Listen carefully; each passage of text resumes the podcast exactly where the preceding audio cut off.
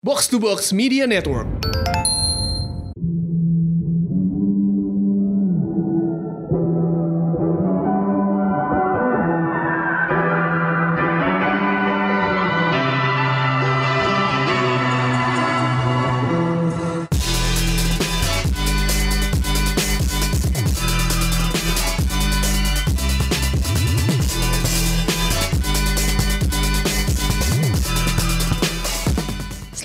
Showbox Podcast. Ada gue Lisa dan gua Angga dan kita hari ini membahas episode khusus. tentang film pendek. Kalau lama sih nyambungnya kan? kan gue berharap lo langsung gitu. Kita eh, biar biar penasaran aja. lah. ini sebenarnya bonus episode ya enggak? Karena kita pengen banget memang punya episode khusus yang membahas film-film pendek. Karena waktu di Jogja kemarin Hmm. eh, kita eh, nonton film pendek yang bagus-bagus Iya, ya benar. enggak? Eh by the way mohon maaf ya minggu lalu kita nggak ada episode review Oh. karena Angga di Jogja dan gue sakit. Eh, Lisa tepar setelah seminggu lebih di Jogja dan cuacanya yang campur aduk di Aduh, sana. Iya, ini suara masih belum fully recover tapi eh, udah bisa rekaman lagi gitu.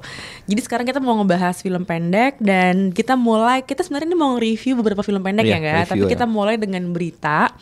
Berita baik nih enggak dari teman kita. Ore, apa tuh?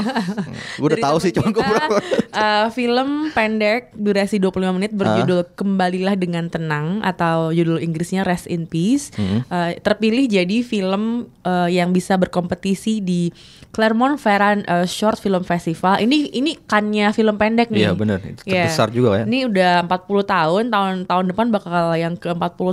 Jadi ini film festival terbesar buat Film eh, pendek. film pendek. Adanya di Perancis di Clermont-Ferrand. Eh, ini film Rest in Peace ini eh, kita belum nonton ya sayangnya enggak ya? Kita Kemarin nonton diputar sih di kita nggak sempat kita nonton. nonton di hard disk editornya terus terpotong interview dengan Mas Garin. Jadinya kita belum selesai nonton. Eh, semoga bisa segera nonton. Eh, ini disutradarai oleh M Reza Variansyah dan ditulis oleh April Aprilingga Dani dan juga Ama Reza juga. Produsernya Wimba Hinu Satama dan Hmm. Said Nur Hidayat ya teman gue nih Said nih. Oh iya.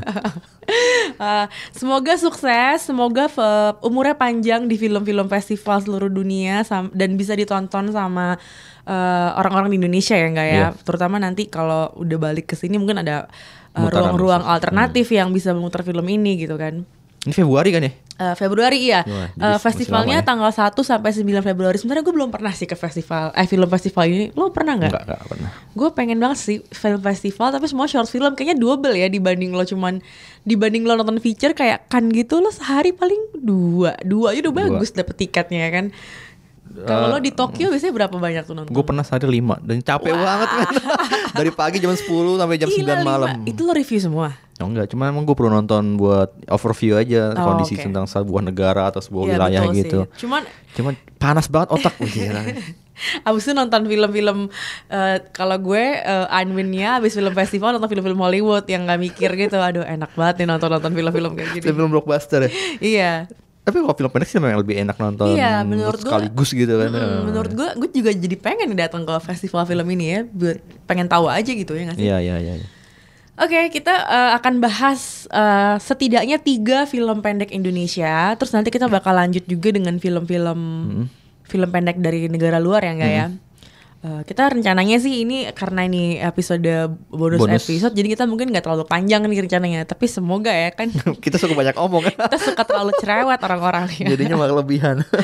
Oke, yang pertama kita mau bahas eh, film pendeknya dari Aditya Ahmad berjudul Kado. Oh, si Adit ya. Ya, ini filmnya berdurasi 15 menit masuk ke sesi as- apa Light of Asia. Light of Asia. Light of Asia waktu di Jogja. Jadi Light of Life- Light of Asia ini program kompetisi film pendek di Jogja Netpack Asian Film Festival. Nah, film Kado ini tentang apa sih, enggak? Jadi eh, setting di Makassar Hmm. tentang seorang remaja SMA putri Isvi. Penampakannya cowok cuman di sebenarnya cewek Isvi diperankan oleh Isvira Febiana. Dia Hmm. Ya. tuh dengan santainya tuh eh, bisa berpakaian laki-laki maupun berpakaian sebagai seragam Gue nggak tahu loh itu Isvi. Itu Isvi. Jadi gue taunya itu Isvi setelah filmnya selesai, Itu- kreditnya keluar.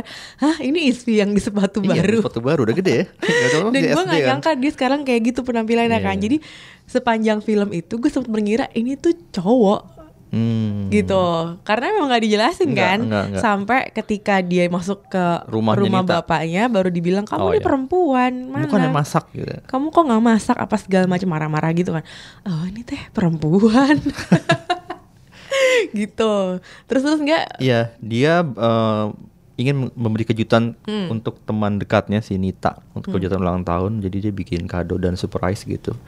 Eh, di satu sisi dia juga harus eh, apa ya eh, sering ber ber apa ya berdebat dengan dirinya sendiri dia itu sebenarnya eh, siapa sih segala macam. Dan Hmm. akhirnya di satu titik ketika dia harus juga eh, ikutan kejutan ulang tahun dengan teman-teman pria teman geng prianya nih teman-teman cowoknya itu dia harus eh, datang ke sebuah jalanan yang di biasa tempat mangkal eh, para apa ya itu? Waria. waria dan akhirnya dia merannya jadi- menjadi sesuatu di situ. Hmm. filmnya sederhana aja seder- sederhana banget ceritanya cuman punya lapisan makna dan layer-layernya tuh sangat banyak gitu dan kita bisa ngumpas satu persatu. Hmm.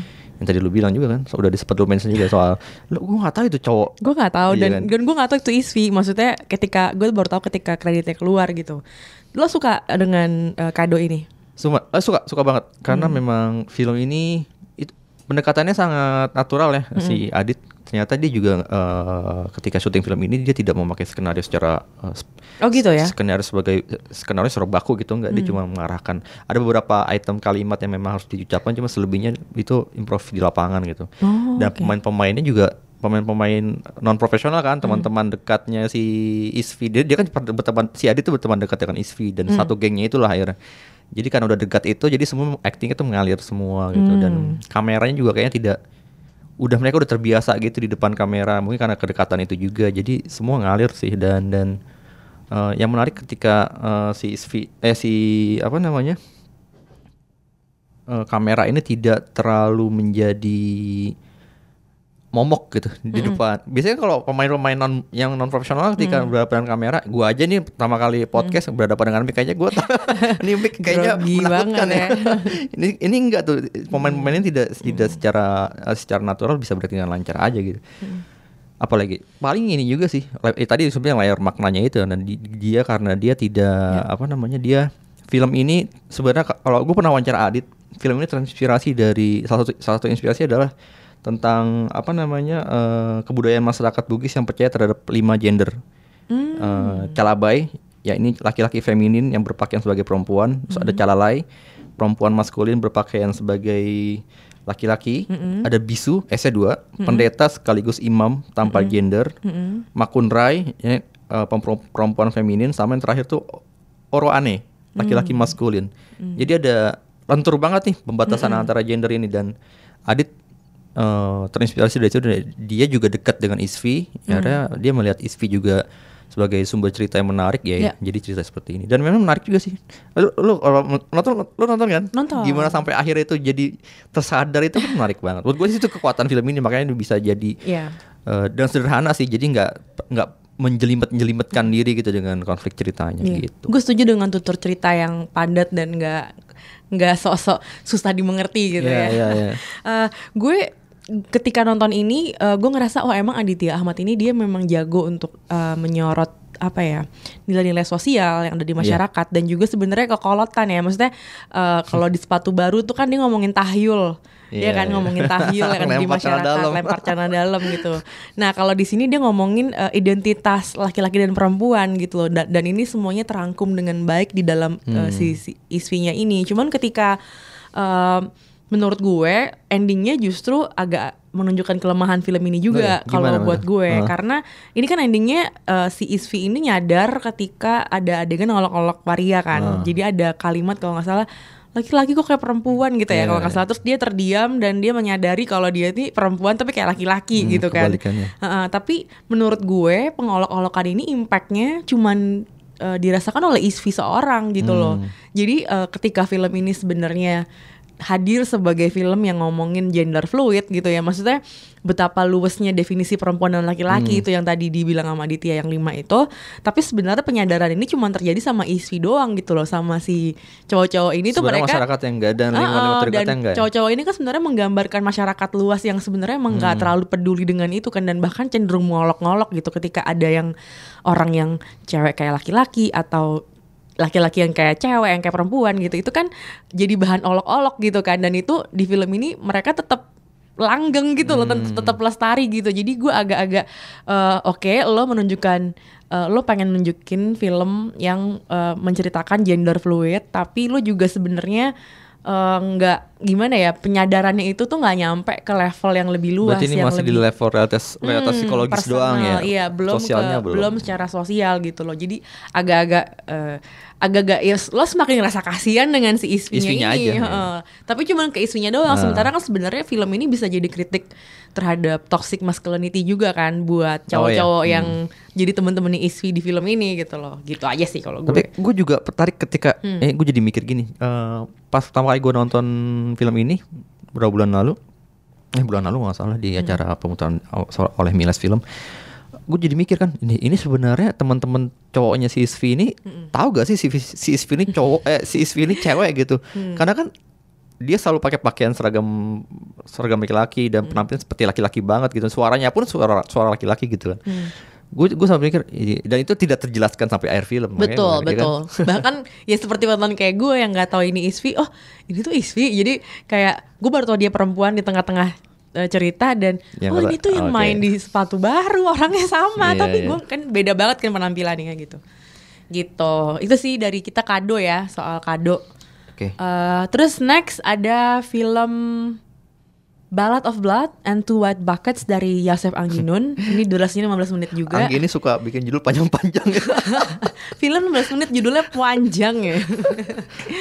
nah, tentang apa nih gak film ini gak? Tentang eh, sepasang suami istri namanya Ning dan Mur. Eh, pekerjaan mereka itu menjual darah beku atau saren Saren. demi ya buat kehidupan mereka. Eh, tapi situasi zaman udah berubah. Orang-orang pembeli-pembeli yang dulu sering beli saren sama mereka sudah mulai nggak mengkonsumsi saren lagi gitu. Dan akhirnya eh, mereka pun ya kekurangan segala kekurangan akhirnya dan satu titik di akhir film kita dikejutkan oleh satu hal tentang darah itu sendiri Ya. Yang membuat lu jadi penonton jadi mikir anjir ini ironik banget ya filmnya. ya itu sih. ya. Lo eh, nonton ketika nonton ini apa yang eh, lo rasain? Batuknya mengganggu sekali. Nih ya, soalnya gue lagi gitu. Gila gue tuh. lagi kayak gitu dan gue nonton film ini, gue makin pengen batuk nonton film ini. Ikutan gatal gak? Gue Iya. gue gue gak gue gak balik nggak batuk waktu itu emang nggak batuk juga. Tapi gue jadi Ada rasa nggak nyaman Nggak yang nyaman, sangat ya. berlebihan ketika nonton film ini Iya, ya iya. dan menurut gue itu sengaja sih dari dari si filmmakernya untuk bikin rasa yang ganggu ini gitu. sama ketika Anggi bikin apa solo solitude uh, Iya. kata-katanya juga lu merasa kesepian yang duh sepi banget sih nih gue kesepian kes- kesepian nggak punya siapa-siapa gitu kayak gitu Iya. kerasa banget Mm-mm. apalagi ya film ini juga menurut gue eh, menampilkan acting sederhana tapi kuat banget dari Ruth Marini dan si Muhammad Abe Ya. Eh, dengan nggak banyak bicara cuma ekspresi muka terus juga dengan yang perlu dikasih dikasih highlight juga adalah pemilihan kostum. Menurut gue kostumnya sangat menarik ini. Ini, ini cocok banget dipakai sama mereka membuat mereka seperti uh, orang kelas bawah yang memang nggak punya apa-apa dan terdesak aja hidupnya gitu kan. Motornya, properti-propertinya juga cukup menarik, cukup cukup penggang, cukup apa uh, menguatkan film ini. Uh, dan darah itu sendiri mengganggu sih menurut gue. Gue nggak tahu ya selama ini makan darah tuh kayak gimana. Gue gue sering dengar soal Iya. darah darah sapi itu. Iya. Eh sapi kan ini? Iya, sapi. Cuman gue gak kebayang makan darah tuh gimana gitu. Gue sangat tertarik dengan ini dengan dengan percakapan di di film ini bahwa ketika ada orang nonton berita kalau Ahok oh, no bu no bu no si Ahok itu kan Iya, iya, Eh, iya, terus iya. ada yang kayak pos satpam ya. terus darah Ahok tuh dianggap halal kan dianggap halal Eh, terus ada ada kata-kata kalau darah sapi aja haram gitu loh. Berarti sebenarnya orang tuh nggak boleh makan darah sapi ya? Apa gimana? Ya karena memang di memang gue pernah denger sih sebenarnya makan darah itu apa ya hukumnya? Dalam Islam ya gue nggak eh, tapi menurut gue memang ini jadi suatu hal yang tabu juga akhirnya belakang-belakang ini dengan kalau kita kaitkan juga dengan apa namanya eh, semangat masyarakat dalam beragama sekarang makin kuat gitu kan dan eh, fundamentalisme agama juga makin kuat. Hal-hal yang tadinya dibilang mungkin itu hal yang wajar yang sesuai dengan budaya kita eh, tapi karena dibenturkan dengan nilai keagamaan jadinya malah tidak tidak relevan lagi buat nilai agama. Menurut gue darah tuh jadi alat ya di film ini buat Anggi mempertanyakan apa yang halal dan apa yang haram gitu Betul. dan disajikan dengan apa ya ketika yang dijual gitu nggak laku bahan jualan yang nggak laku dikasih makannya buat di kandang babi gitu. babi jadi sebenarnya makanannya sama. Nggak dia pengen ngomong seperti itu kan. Kalau gue ngeliat film ini tuh apa ya eh, dia tuh gue membaca film ini ya eh, Anggi tuh menggambarkan masyarakat yang lagi sakit nih nggak Seperti dua orang ini seperti sakit dua batuk. orang ini yang awalnya cuma satu doang si yang perempuannya doang sakit Hmm. batuk-batuk gitu ya sampai akhirnya di akhir film tuh batuknya sampai tidak terkendali dan akhirnya yang cowok jadi ikutan batuk gitu Hmm. jadi ini sakit kalau nggak diobatin tuh nular gitu Hmm. loh dan kenapa uh, two white buckets lo suka berpikir-pikir nggak sih kenapa embernya warnanya putih bersih padahal dia jualan darah loh Ember itu harusnya dia kotor-kotor ngerti gak sih? Itu ember bekas cat loh. sebersih sebersih bersihnya apa ya kayak ember putih kalau udah buat jualan yang warna-warna lain bukannya itu bakal kotor juga ya maksudnya eh, menurut gue ini kalau mau main eh, ini ya interpretasi simbol gitu ya Bisa bisa gimana? eh, mungkin ya ini kan Anggi sedang mengkritik umat Islam Hmm. yang eh, yang kemarin eh, memasukkan Ahok ke penjara gitu kan karena eh, blasphemy itu Hmm, karena hmm. eh, pencemaran na- Maidah. pencemar iya pencemaran nama Maida nama, nama baik terus eh, dia mengkritik ini gitu mengkritik ini dan menurut gue si ember-ember putih ini bisa sebagai apa ya kayak sebagai panji-panji suci yang lo nyanyikan gitu loh Hmm, suci Dan bersih eh, gitu ya. suci bersih karena dia bersih banget dan Bersih itu banget. di filmnya lo lihat itu blinding white dibanding Yang properti-properti Hmm. yang ada di layar di, di adegan yang sama gitu loh. Jadi gue bilang kenapa warnanya putih banget ya? Gue Oke. gue cuma dari situ doang sih. Dan gue berpikir apa itu? Apa ke situ gitu kan? Eh, sambungannya gitu. Cuman waktu di Jogja itu waktu di sesi tanya jawab tuh Anggi sempat komen gini. Kalau film ini sebenarnya pengen bilang kalau apa yang terjadi di Jakarta itu maksudnya peristiwa Ahok ini sebenarnya nggak ngaruh dengan kehidupan Di Jogja. eh, di Jogja kehidupan rakyat, rakyat rakyat kecil di Jogja. Jadi mereka itu akan terus bergulat dengan masalah hidupnya sendiri bertahan hidup ya yang terjadi di politik yang nggak ngaruh ke mereka gitu loh. Gue agak-agak kecewa sih dengan statementnya Anggi ini. Harusnya nggak usah denger aja loh. Harusnya gue gak usah denger. Eh, Gue dikasih tau sama ini kan Sama eh, Reporter. teman-teman kerja gue Oh. Iya. Jadi dikasih tahu gitu Terus gue bilang Kok dia ngomongin gitu ya? Maksudnya eh, Pembacaan gue soalnya udah kayak gini Dan maksudnya ini sebuah kritik sosial yang bagus banget Kalau misalnya Emang bener kayak gitu. Tapi kalau emang lo mengkritik eh, Politik sebagai suatu hal Jakarta sentris Agak naif sih gak sih karena apa yang terjadi di Jakarta terus nggak bakal terjadi di tempat lain gitu malah menurut gue sebaliknya gitu kan itu yang Kita tanya dua satu dua kan, itu Hmm. kan didatengin oleh orang bukan cuma orang Jakarta aja, bahkan sampai beberapa kota di Iya. luar di luar Jakarta dari Jawa Tengah, Jawa Timur Hmm. datang ke Jakarta. Maksud gue sih memang, kalau memang mau dikaitkan dengan politik ya menurut bener kata lo sih Iya. mungkin tidak terlalu tepat juga sih. Hmm. Maksud gue memang ini film ini memang pada akhirnya ya tadi yang tadi lu bilang apa? Hmm. eh, ya politik pasti politik yang terjadi di di sentral di Jakarta Hmm. pasti berpengaruh ke politik di daerah gitu. Iya. Gitu. Memang film ini sih sangat apa ya?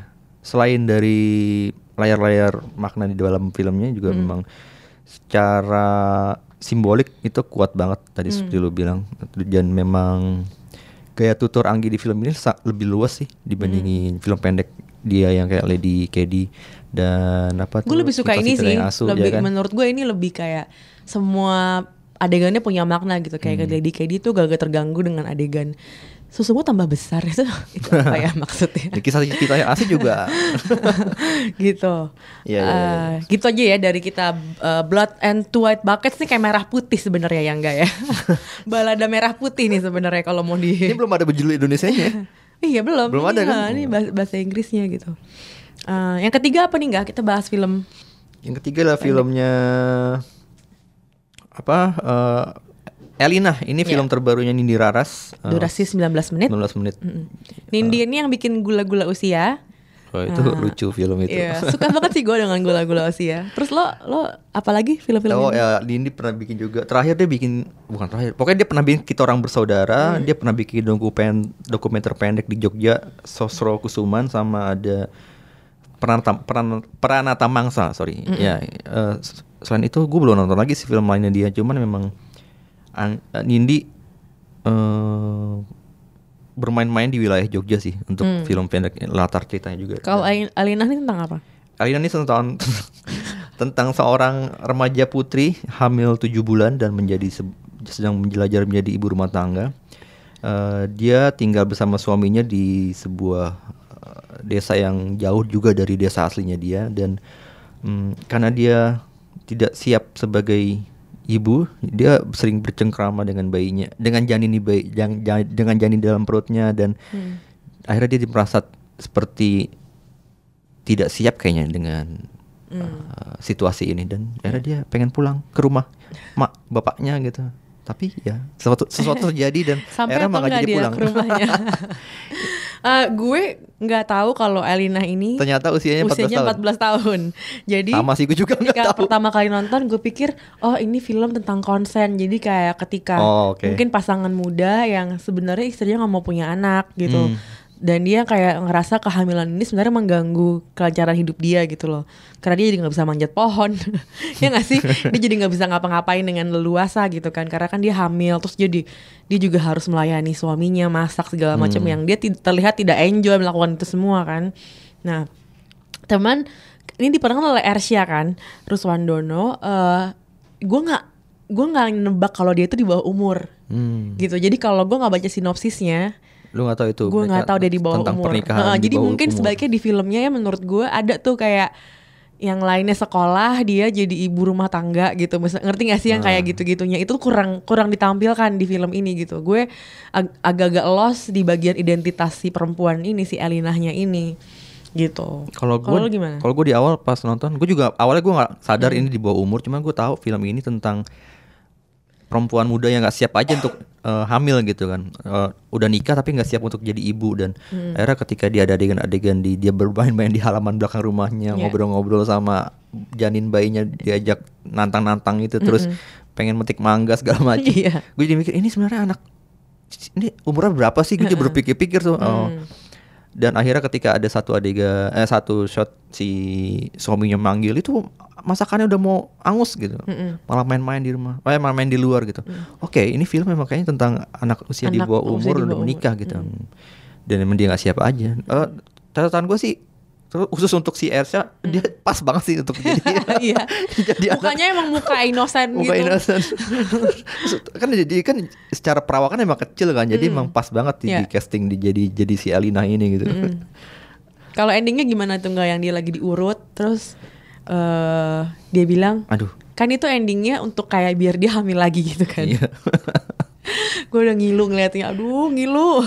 Gue tuh kan udah udah udah gue punya punya anak ya anak gue udah nemenin istri gue lahiran dua kali. Gue kalau ngeliat gue ngilu ngilu juga sih akhirnya.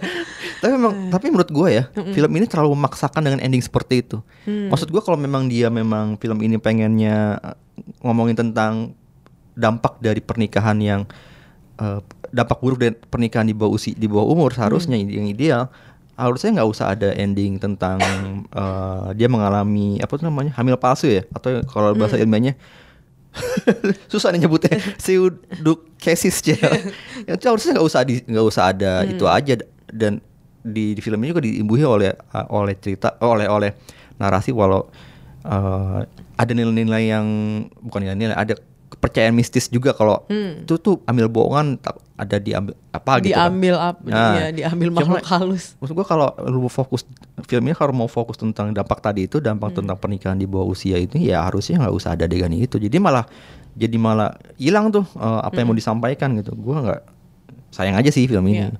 Iya. Gitu.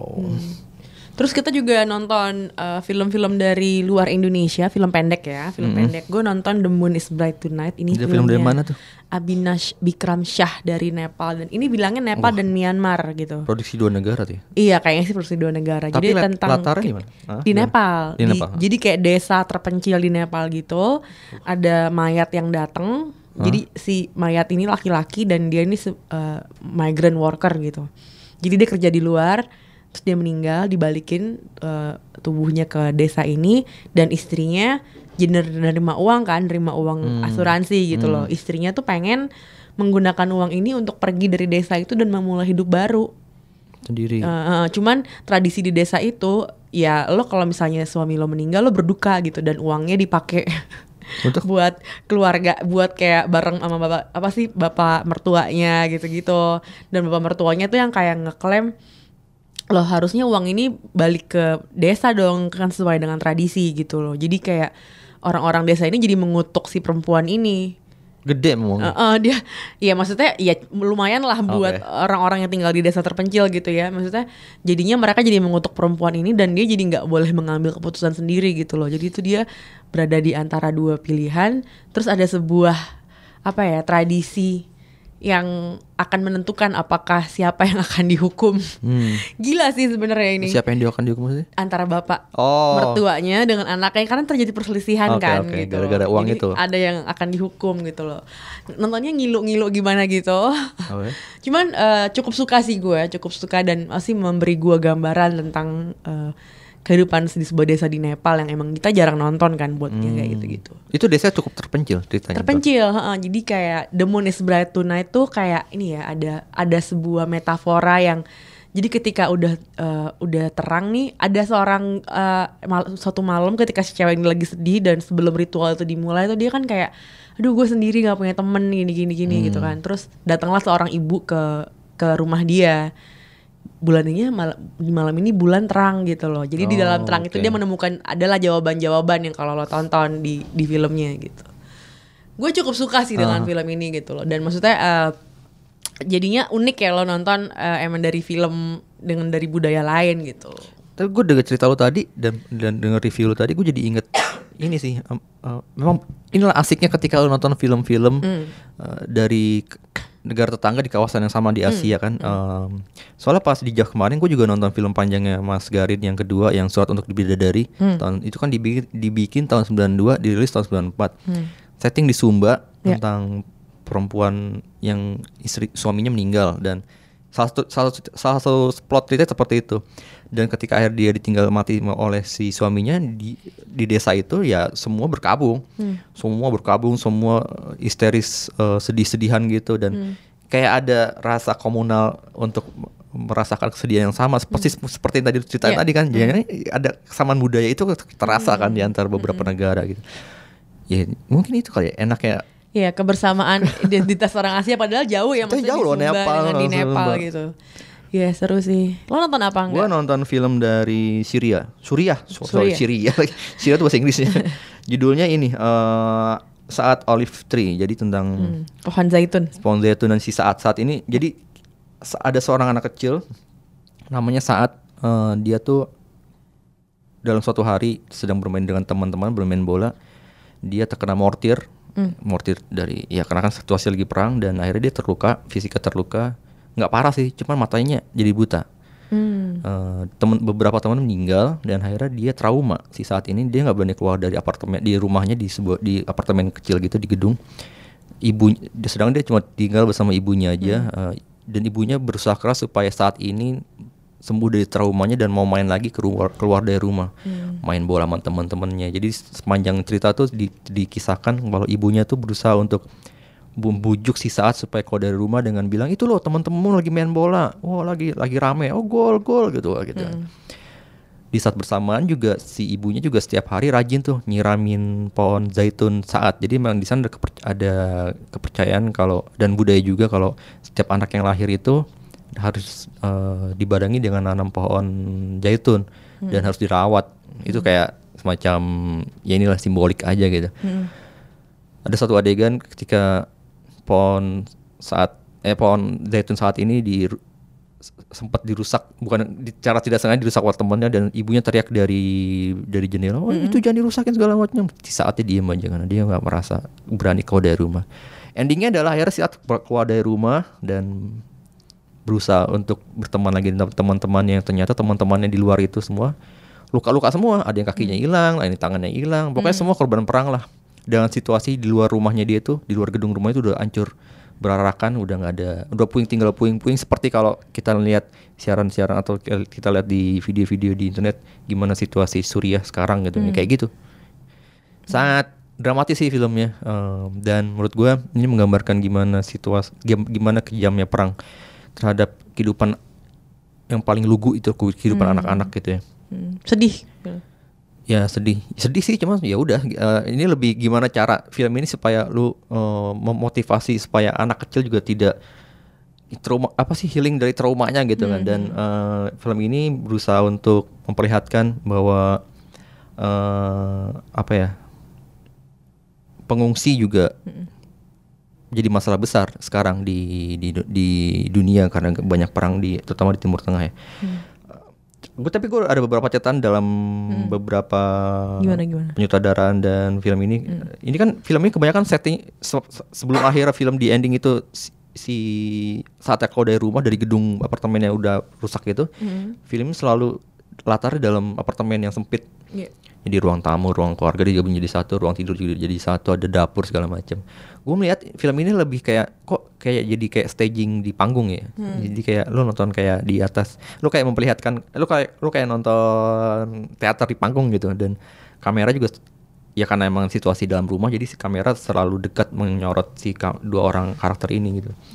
Dan karena memang tidak bisa memperlihatkan situasi di luar, ini teknis sih. Ya. Cu- eh, ada adegan eh, di jadi salah satu medium untuk memperlihatkan batas antara dalam rumah dan luar rumah itu kan jendela. Hmm. Eh, jendela itu kayaknya pakai green screen tuh supaya memperlihatkan situasi di rumah itu kelihatan banget green screennya sih.